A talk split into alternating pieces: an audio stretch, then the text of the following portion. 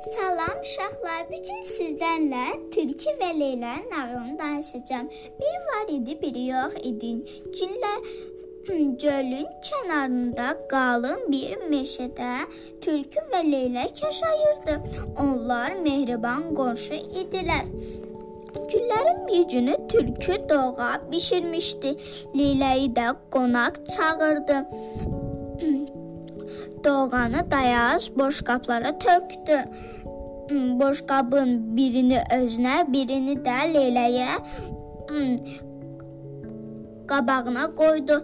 Leylək Leylək nə qədər elədi, çalışdı, doğanı içə bilmədi. Ha dimdiklədi, ha dimdiklədi, yeyə bilmədi.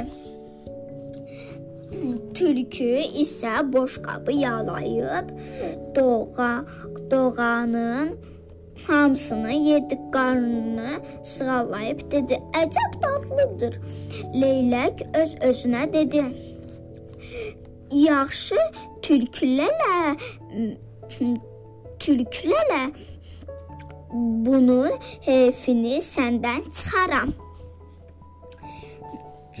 Heyfini səndən çıxaram. Leylək bir gün ata orada yoxdur, mən özümdən danışıram. Bir gün leylək süd aş bişirmişdi. Tülkün də qonaq çağırdı. Onları közəyə töküb özü doyunca yedi. Amma tülkü nə gerilədi, nə gedirlədi, burnunu soxa bilmədi. Evə də ac qayıtdı. Onların dostluğu pozuldu. Göydən üç alma düşdü. Biri mənim, biri sənin, birdən ağıl söyləyən, birisi atamın, birisi də sizin uşaqlar sağ olun.